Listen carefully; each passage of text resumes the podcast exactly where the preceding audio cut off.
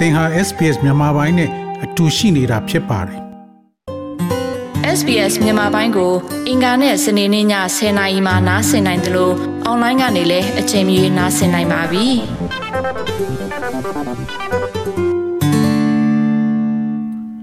တော်ရရှိမြခင်ဗျာ။ Australia နိုင်ငံမှာ SCS State Emergency Services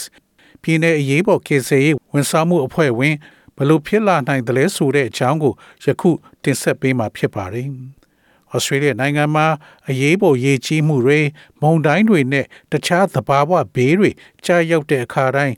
လှူအားပေးသမားတွေဟာအထူးကကူညီသူတွေဖြစ်ပါတယ်။လှူအားပေးသမားတွေဟာအများအားဖြင့်သူတို့နေထိုင်ရာပြည်နယ်နဲ့ဒေသမှာရှိတဲ့ State Emergency Service SES လို့ခေါ်တဲ့အဖွဲ့ကနေတဆင့်လှူအားပေးကြတာဖြစ်ပါတယ်။ အဲ့ဒီအဖွဲ့မှာအဖွဲ့ဝင်ဖြစ်ချင်ရင်ဘလို့လုပ်ရမလဲဘလို့အရေးချင်းတွေရှိရမလဲစတာတွေကိုယခုတင်ဆက်ပေးမှာဖြစ်ပါတယ် State Emergency Services SES ဟာတဘာဝဘေးရန်အပြင်လမ်းမမှာမတော်မဆဖြစ်မှုတွေလူပြောက်ရှာတဲ့အခါနဲ့အရေးပေါ်ချမ်းသာရေးကယ်ဆယ်မှုမျိုးတွေမှာပါဝင်ကူညီလေးရှိပါတယ်။ Australia နိုင်ငံကပြည်내တိုင်းအထူးဒေသတိုင်းမှာ State or Territory Emergency Service SAS အဖွဲ့တွေရှိပါတယ် Priscilla Green ဟာ Victoria ပြည်နယ် SAS အဖွဲ့ရဲ့ Volunteer Support Officer ဖြစ်ပြီးဘေးရန်မကြရောက်ခင်မှာဘလို့ပြင်ဆင်ထားနိုင်တယ်လဲဖြစ်လာတဲ့အခါဘလို့တုံ့ပြန်ကြမလဲဆိုတာကို ပြင်ဆင်ပေးသူတယောက်ဖြစ်ပါတယ်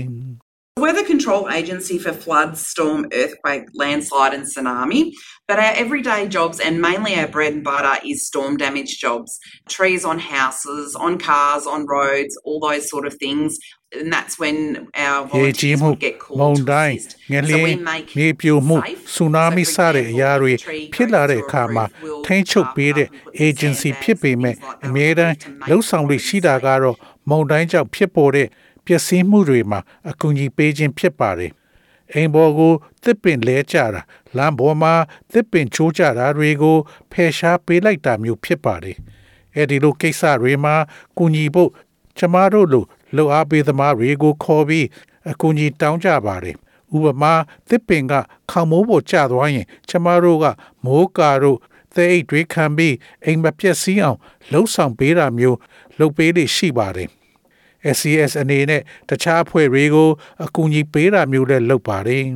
အထူးသဖြင့်ရဲတွေမိသက်ဌာနတွေကိုအကူအညီပေးတာဖြစ်တယ်လို့ Frankston SES ရဲ့ဒုတိယအကြီးအကဲ Mrs. Green ကပြောဆိုပါတယ်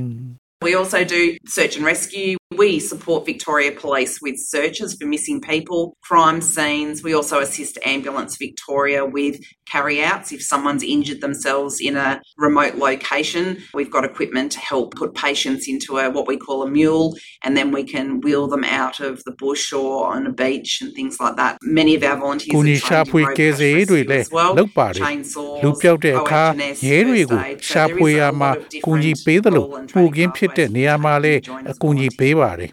Victoria ပြည်နယ်ရဲ့အရေးပေါ်ဌာန ambulance ကိုလည်းအကူအညီပေးပါတယ်လူတဦးကဝေးလံခေါင်တည်တဲ့နေရာမှာဒဏ်ရာရရှိတဲ့အခါကျမတို့မှာလူတွေကိုသယ်ယူနိုင်တဲ့နီလန်းတွေရှိတဲ့အတွက်ခြုံပုတ်တွေကြားကနေကမ်းခြေတွေကနေဆွဲထုတ်နိုင်ပါတယ်ကျမတို့ရဲ့လှုပ်အားပေးသမားအများအပြားကိုလမ်းမပေါ်မှာမတော်တဆဖြစ်မှုတွေမှာကူညီနိုင်အောင်တင်တန်းပေးထားပြီး OHS နဲ့ရှေးဦးသူနာပြုရေးတွေမှာအကူအညီပေးနေအောင် သင်ပေးထားပါတယ်။လောအားပေးသမားတူအနေနဲ့ဝင်ရောက်ပါဝင်ဖို့သင်တန်းလမ်းသွယ်တွေအများကြီးရှိတယ်လို့ပြောသွားခဲ့ပါတယ်။ New South Wales SES အဖွဲ့က Andrew McLeod ကလောအားပေးသမားတွေဟာ SES အဖွဲ့ရဲ့အသက်သွေးကြောဖြစ်တယ်လို့ပြောဆိုပါတယ်။ The SES is 99% made up of volunteers, so we have close to 10,000 volunteers across New South Wales that are ready to respond to help their communities 24 7. We only have a small contingent of staff, around 250 staff. so the SES majority of our အဖွဲ့က people are လူပေါင်း unpaid volunteers. 69ရာခိုင်နှုန်းဟာ We have the လှုပ်အားပေးသမားတွေ ability ဖြစ်ကြ to ပါတယ် in Australia, we- we really ညူဆာဝေတလွှားမှာလှုပ်အားပေးသူအယောက်1000ရှိပြီးသူတို့တွေဟာ24နာရီ9ရက်ပတ်လုံးအကူအညီပေးနိုင်ကြပါတယ် အမှုတန်း250လောက်တော့ရှိပါတယ်ဒါပေမဲ့အများစုကပတ်စံမရကြတဲ့လှုပ်အားပေးသမားတွေဖြစ်ပြီးလှုပ်အားပေးသမားတွေမှမရှိရင်ဒီလို agency တွေထွက်ပေါ်လာဖို့မရှိပါဘူးဩစတြေးလျနိုင်ငံမှာအရေးပေါ်စီမံရေးတွေမှာလှုပ်အားပေးသမားတွေကိုပဲအဓိကအားထားရတာဖြစ်တယ်လို့ပြောဆိုသွားပါတယ်။ our country units are always looking for new volunteers. And even if you think that maybe it's not for you getting on a roof and cutting up a tree, there's always roles back at the unit. We always need a finance person. We always need administrative staff. We need ကျမတို့တွေကလူအားပေးသမားအသစ်တွေကိုအမြဲတမ်းလိုလားမှုရှိပါတယ်။အင်ခါမိုးပေါ်တက်ပြီးသစ်ပင်ဖြတ်တာကသင်နဲ့မကိုက်ညီဘူးလို့ထင်ရင်ရှေ့မထွက်ဘဲနောက်ကနေပံ့ပိုးမှုလုပ်နိုင်ပါတယ်။ ငွေရေးကြေးဆိုင်ရာကင်တွယ်ပေးမဲ့လူစီရင်ကင်တွေကို အမြဲတမ်းလိုအပ်လေရှိပါတယ်လူမှုအတိုင်းဝိုင်းထဲသွားပြီးစကားပြောဆိုပေးမဲ့သူစာသင်ကျောင်းတွေသွားပြီးရေကြီးမှုတံမုံတိုင်းတံခံနိုင်အောင်ဘလို့လိုအပ်မလဲစတဲ့ပညာပေးမှုတွေလုပ်နိုင်တဲ့လူတွေလည်းလိုအပ်ပါတယ် Victoria ပြည်နယ် SES အဖွဲ့ဝင်ဖြစ်ဖို့အတွက်ရွေးချယ်ရေးအဆင့်တွေဖြတ်ကျော်မှာဖြစ်ပြီးသူတို့လုပ်ရမယ့်အလုပ်ကိုလုပ်နိုင်သလား လိုအပ်တဲ့အချိန်ပေးနိုင်မလားသင်တန်းတွေတက်နိုင်မတက်နိုင်စတာတွေကိုစီစစ်မှဖြစ်ပါတယ် SCS အဖွဲ့ဝင်ဖြစ်ပြီးဆိုတာနဲ့သင်တန်းတွေတက်ရမှဖြစ်တယ်လို့ Mrs. Green ကပြောဆိုပါတယ် You need to be community minded. That's really important. The common theme with all our volunteers is they want to help people in their time of need, and you do have to be fit and healthy. It's really important. Some of the jobs that we do can be a bit rigorous, um, walking into bushland to look for missing people, beach walks, things like that. But we train you for anything that we will လိုအပ်ပေးသမားတွေအားလုံးရဲ့ဘုံတူညီချက်ကတော့လူတွေကိုအကူအညီလိုအပ်တဲ့အချိန်မှာလူတွေကိုအကူအညီပေးနိုင်ဖို့ပဲဖြစ်ပါ တယ်။အဲဒါတွေလှုပ်ဆောင်ဖို့ချမ်းသာသန်ဆွမ်းဖို့လဲလိုအပ်ပါတယ်။တချို့လှုပ်ဆောင်ရမယ့်အရာတွေဟာကြမ်းတမ်းပါတယ်။ခြုံတော့ဒူရာတွေလူပြောက်ရှာရတာတွေကံခြေမှာသွာလာရတာမျိုးလောက်ရမှာဖြစ်ပြီးအဲ့ဒါတွေလုံနိုင်အောင်သင်တန်းတွေပေးမှဖြစ်ပါတယ် New South Wales SCS ရဲ့အဆိုအရ Australia နိုင်ငံသားမဟုတ်တဲ့လူတွေယာယီဗီဇာနဲ့နေထိုင်နေတဲ့လူတွေလှုပ်အားပေးခြင်းရင် သူတို့ရဲ့ဗီဇာအမျိုးအစားအပေါ်မူတည်တယ်လို့ပြောဆိုပါတယ်။ Australia မှာဝင်ငွေအတွက်အလုပ်လုပ်ခွင့်ရှိရင်လိုအပ်ပေးခွင့်လည်းရှိတာဖြစ်ပြီးဗီဇာအခြေအနေကိုသိချင်ရင်ပြည်ထရေးဝန်ကြီးဌာနရဲ့ VEVO website မှာရှာကြည့်နိုင်ပါတယ်။ အသက်16နှစ်ကစပြီးလှူအားပေးနိုင်ပေမဲ့ New South Wales SCS မှာလှူအားပေးမဲ့အသက်16နဲ့18နှစ်ကြားရှိသူတွေလှူအားပေးခြင်းရင်မိဘအုပ်ထိန်သူတွေရဲ့ခွင့်ပြုချက်ရဖို့လိုအပ်ပါတယ်။ဒါပေမဲ့အသက်16နှစ်အောက်သမားတွေကတော့စိတ်တရားရစေနိုင်တဲ့ကားမတော်တဆဖြစ်တဲ့နေရာမျိုးကိုတော့ပို့ဆောင်ခံရမှာမဟုတ်ပါဘူး။ Queensland SCS အဖွဲ့ဝင်ဖြစ်ချင်ရင်စိတ်အားထက်သန်သူ စွန့်စားစိတ်ရှိသူနဲ့လူမှုအတိုင်းဝိုင်းကိုအကျိုးပြုလိုသူဖြစ်ဖို့လိုအပ်ပြီးအသက်၁၈နှစ်အောက်ရှိသူတွေကတော့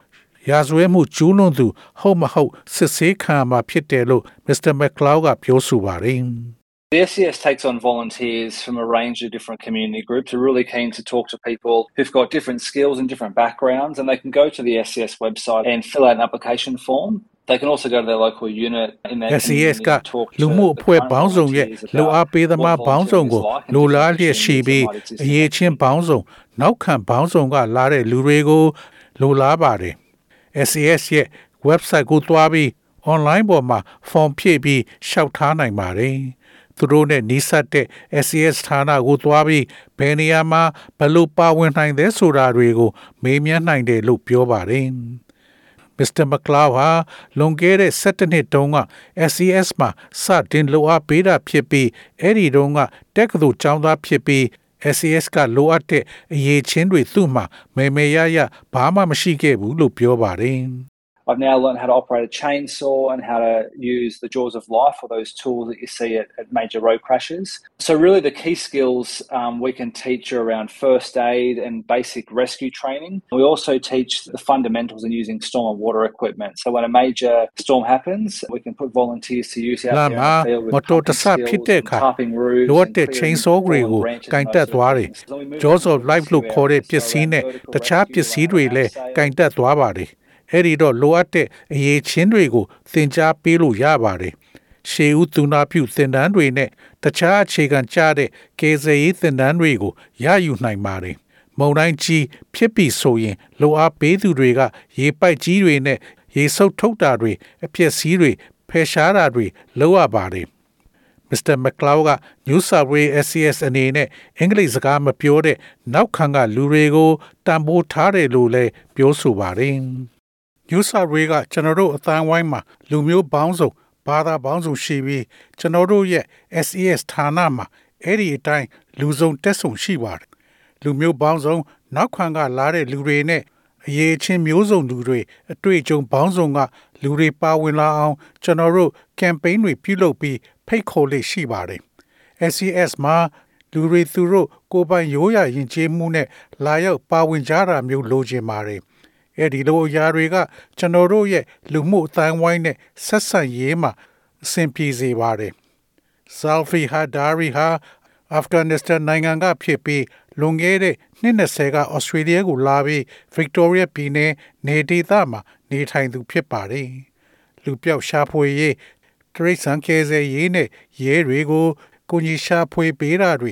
မူကင်းနေရာမှာကူညီတာမျိုးတွေအများကြီးလုပ်ဖူးတယ်လို့ဆိုပါတယ်။ ဒီနိုင်ငံကို ရောက်လာကစားကဒီနိုင်ငံက ကျွန်တော်ကိုနှွေးထွေးစွာကြိုးစုံမှုလုပ်ခဲ့တဲ့အတွက် ကျွန်တော်ကငါလေဒီကလူမှုအတိုင်းဝိုင်းအတွက်တခုခု ပြန်လုပ်ပေးရမယ်ဆိုတဲ့စိတ်တွေဝင်လာပါတယ်။အဲ့ဒါကကျွန်တော် SCS မှာဝင်ပါရတဲ့အဓိကအကြောင်းရင်းဖြစ်ပါတယ်။ Mr. Hadari က SCS မှာလိုအပ်ပေးလုပ်ရင်မိတ်ဆွေအများကြီးရရှိခဲ့တယ်လို့ပြောပါတယ်။ Telesia Lola ဟာ New South Wales ပြည်နယ် Lismore ဒေသရဲ့ SCS အဖွဲ့ဝင်ဖြစ်ပြီး2015ခုနှစ်ကစပြီးစတင်လှူအားပေးဖို့လှုံ့ဆော်လိုက်တာက သူမအတွက်အကောင်းဆုံးသော ဆုံးဖြတ်ချက်ဖြစ်တယ်လို့ပြောဆိုပါတယ်။ I've been in almost eight years now, and it's been one of the best experiences of my life. We have approximately 80 members at Lismore City SES unit. If you asked me eight years ago if I'd be doing this, I would SES have မှာ laughed. There's a လိုအပ် big ပေးတာ wave ရှင်းတဲ့ of ရှိသွားပါပြီ different roles ဒါဟာ within ကျမအတွက် SES. အကောင်းဆုံး Made အတွေ့အကြုံ a lot တစ် of ခု great ဖြစ်ပါတယ် mates. Pretty much my Lismore မှာ family SCS are လိုအပ်ပေးသမားအယောက်80လောက်ရှိပါတယ်လွန်ခဲ့တဲ့နှစ်ပေါင်းများစွာကဒီအလုပ်လုပ်မလားလို့မေးရင်ကျမအော်ပြီးရည်မိမှာပါ SCS မှာပါဝင်နိုင်တဲ့အလုပ်တွေအများကြီးရှိပြီးမိတ်ဆွေတွေလည်းဖွဲ့ဖြစ်ပါတယ် SCS အဖွဲ့ဟာမိသားစုတစ်ခုလို့ဖြစ်သွားတယ်လို့သူမကပြောဆိုပါတယ်တော်ရရှိမြခင်ဗျာ SBS သတင်းဌာနက Cheria Pizzano ရဲ့ဆောင်းပါးကိုဘာသာပြန်တင်ဆက်ပေးထားတာဖြစ်ပါတယ်ခင်ဗျာ SBS Radio App ကို download လုပ်ပြီးနားဆင်မှတ်ချက်ပြုနိုင်ပါတယ်။ တိုက်ရိုက်သို့မဟုတ်အချိန်မီနားဆင်နိုင်ပါပြီ။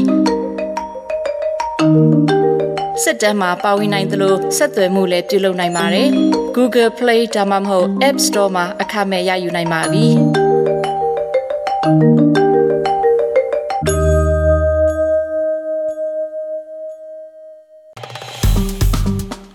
SBS မြန်မာပိုင်းကို Facebook ပေါ်မှာ like ရှာပြီး like မျှဝေမှတ်ချက်ပေးပါ